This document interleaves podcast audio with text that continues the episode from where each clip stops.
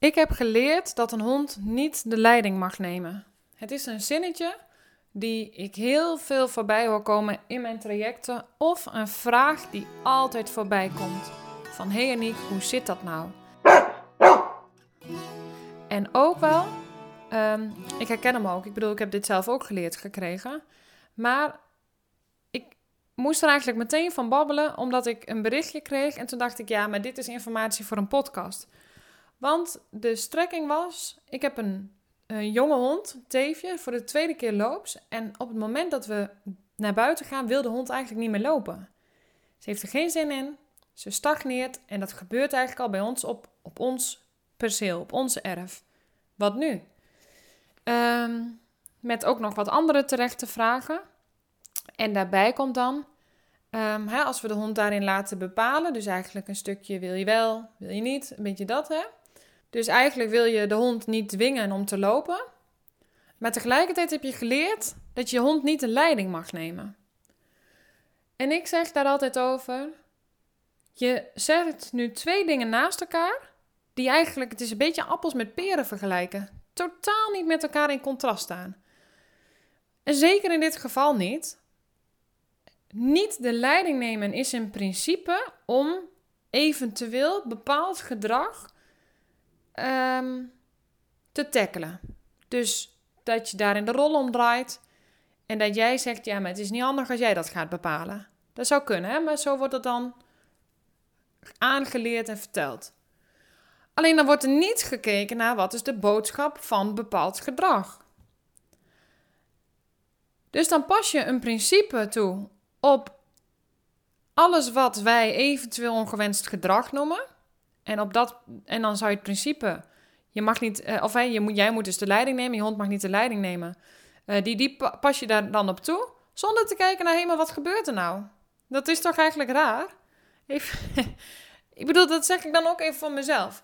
Maar deze hond voelt zich ongetwijfeld niet lekker. Hij is loops. Wellicht ben je een vrouw. Herken jij 100% hoe hormonen werken. Ik weet niet hoe het met jou zit, maar ik heb last van mijn hormonen. Is het wel niet in je maandelijkse cyclus, dan is het wel tijdens een, een, een zwangerschap, voorbereiding in de zwangerschap, af, na afloop van je zwangerschap. Hormonen beïnvloeden ons. En niet alleen vrouwen, ook mannen. Allemaal op een andere manier. Dat doet iets met je. Emotioneel gezien, eh, mentaal gezien, fysiek gezien.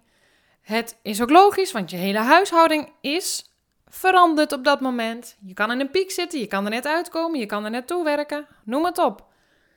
Oké, maar gaat het hier dan nog over de leiding nemen? Kan je dat dan zeggen? Als de hond gewoon zegt: Jongens, ik voel me niet lekker. Ik weet niet hoe het met jou zit, maar ik heb er echt geen zin in vandaag. Tuurlijk, dat leg ik dan even lekker, lekker zwart-wit uit. Maar wat nou als het daarover gaat? Kan je dan dat principe zo weerleggen? Nee, maar dat gebeurt wel. Het gebeurt wel. Te pas en te onpas roepen we, roepen we dit en wordt deze vraag gesteld. Waar gaat leiding over? Waar, waar, waar hebben we het dan over? En dat is een andere podcast wat mij betreft, maar ik vind het wel een hele belangrijke vraag. Ik wil in deze podcast het gewoon hebben over ehm, de strekking waarin die vraag wordt gesteld. Hè? Dus er gebeurt A en vervolgens zetten we daar iets tegenover waarvan je denkt, huh, is dat niet totaal in contrast? Maar dat is dus wel wat er gebeurt, maar wat dus ook voor een kloof zorgt wat je eigenlijk heel graag anders zou willen zien. Leiderschap gaat volgens mij eh, over weten wat er zich binnen jouw team afspeelt, onder andere.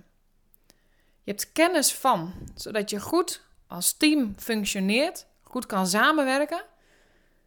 En als er een factor is die maakt dat een teamlid niet goed kan samenwerken, dan moet die factor aangekeken worden om ervoor te zorgen dat je wel goed kan samenwerken. In dit geval zou dat kunnen betekenen: ik ben loops, ik ben bijna loops, ik ben net loops geweest, ik ben wellicht schijnzwanger. Ik noem maar even wat, dat is in dit geval niet aan de orde, maar bijvoorbeeld, wat hebben we aan te kijken? Hoe kan ik jou begeleiden? Hoe kan ik jou ondersteunen? Hoe zorg ik ervoor dat je um, beter gaat functioneren?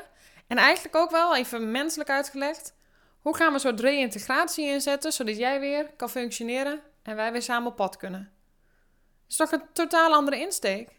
Leiderschap gaat toch over, hoe kunnen we meebewegen? Een beetje meebewegen, een beetje links, een beetje rechts. Oké, maar ja, je poep en je plas buiten doen is wel handig. Soms is het even niet anders, of, of wat dan ook. Maar hoe kan ik ervoor zorgen dat jij beter in je vel gaat zitten?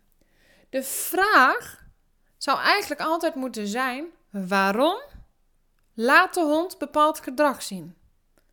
Soms is dat heel logisch te verklaren. Want ik vind het heel logisch dat, en zeker een jonge hond, eigenlijk iedere hond, maar soms zie ik in de volwassenheid dat loopsheid wat makkelijker gedragen wordt. Dan, dan is er wel wiebeligheid, maar hij wordt wat anders gedragen ten opzichte van een jonge hond. Maar goed, soms ook heel vaak niet, maar hè, het kan een verschil zijn.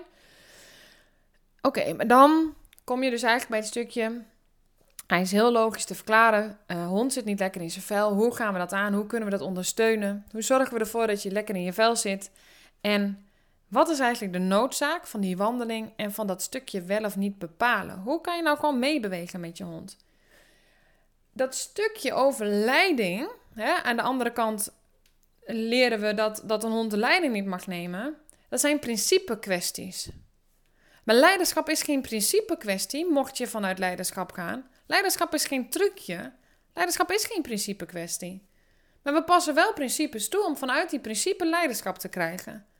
Volgens mij gaat leiderschap over jou, over persoonlijk leiderschap. En daarbinnen ga je kijken, hey, hoe functioneert mijn team? Wat heeft de omgeving nodig? Situatie, hoe gaan we dat aan? Hoe kunnen we dit nou zo goed mogelijk krijgen? Ben jij, zou het dan echt zo zijn ja, ik weet het. Er zijn mensen die dat denken. Dat de hond 24-7 bezig is met ons van onze troon af te stoten. Want oh wee, als wij... Eh, ik weet dat ik dit nu niet lekker uitleg, want ik ken het principe van leiderschap. Beter gezegd, ik, ben er, ik was er heer en meester in, want ik heb het zelf allemaal toegepast. En dat zeg ik even bij om direct even te nuanceren. Maar alsof een hond 24-7 bezig is om leiderschap over te nemen als wij, als wij dat even niet doen. Ik bedoel, alsof een hond geen eigen leven heeft. Geen eigen innerlijke beleving over wat hij vindt. Of hij zij vindt. Hoe hij zij in zijn vel zoet. Uh, zit, bedoel ik. Voelt en zit, dat werd zoet. Um, dat is toch, als je dan even in, deze, in dit perspectief zet. Deze hond geeft gewoon aan, mijn beleving is gewoon, ik, ik voel me gewoon echt niet fijn. Ik zit er totaal niet lekker in.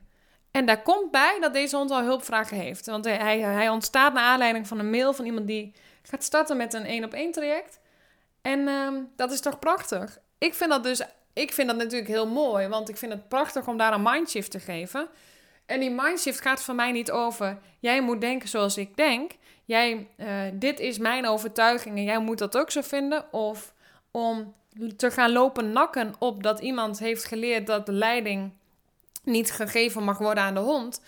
Maar is het zo dat als jij zegt, hé, hey, ik beweeg met jou mee, want jij zit niet lekker in je vel dat je dan je leiderschap kwijt zou zijn als je daarvan uit zou blijven denken. Is het zo dat jij je leiderschap kwijt bent op het moment, je hebt gewoon je persoonlijke leiderschap, dat is waar ik in geloof, zit in jou.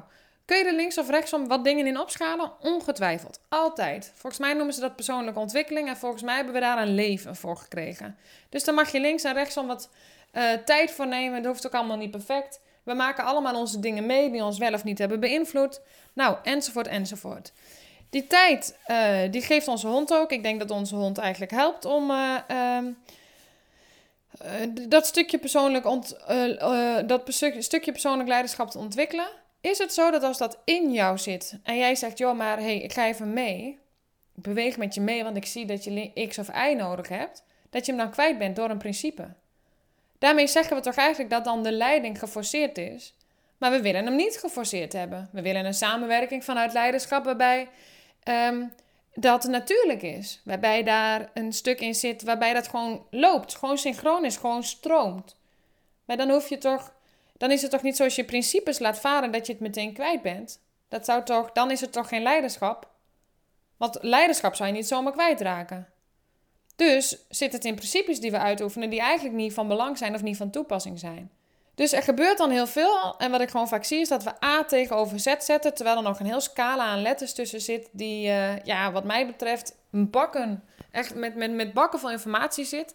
Maar ook gewoon echt veel um, zegt over de bewustwording die er nog mag zijn. En over um, een, diepere, een diepere laag als we het hebben over leiderschap. Wat betekent leiderschap nou eigenlijk? Ga ik het in een andere podcast over hebben. Je hebt al een, beetje kunnen proeven van wat, waarvan ik denk hè, wat leiderschap inhoudt. Maar uh, ik denk dat we de principes best wel wat meer mogen laten varen. Leiderschap is geen principe kwestie. Leiderschap gaat over meer dan dat. Veel meer dan dat.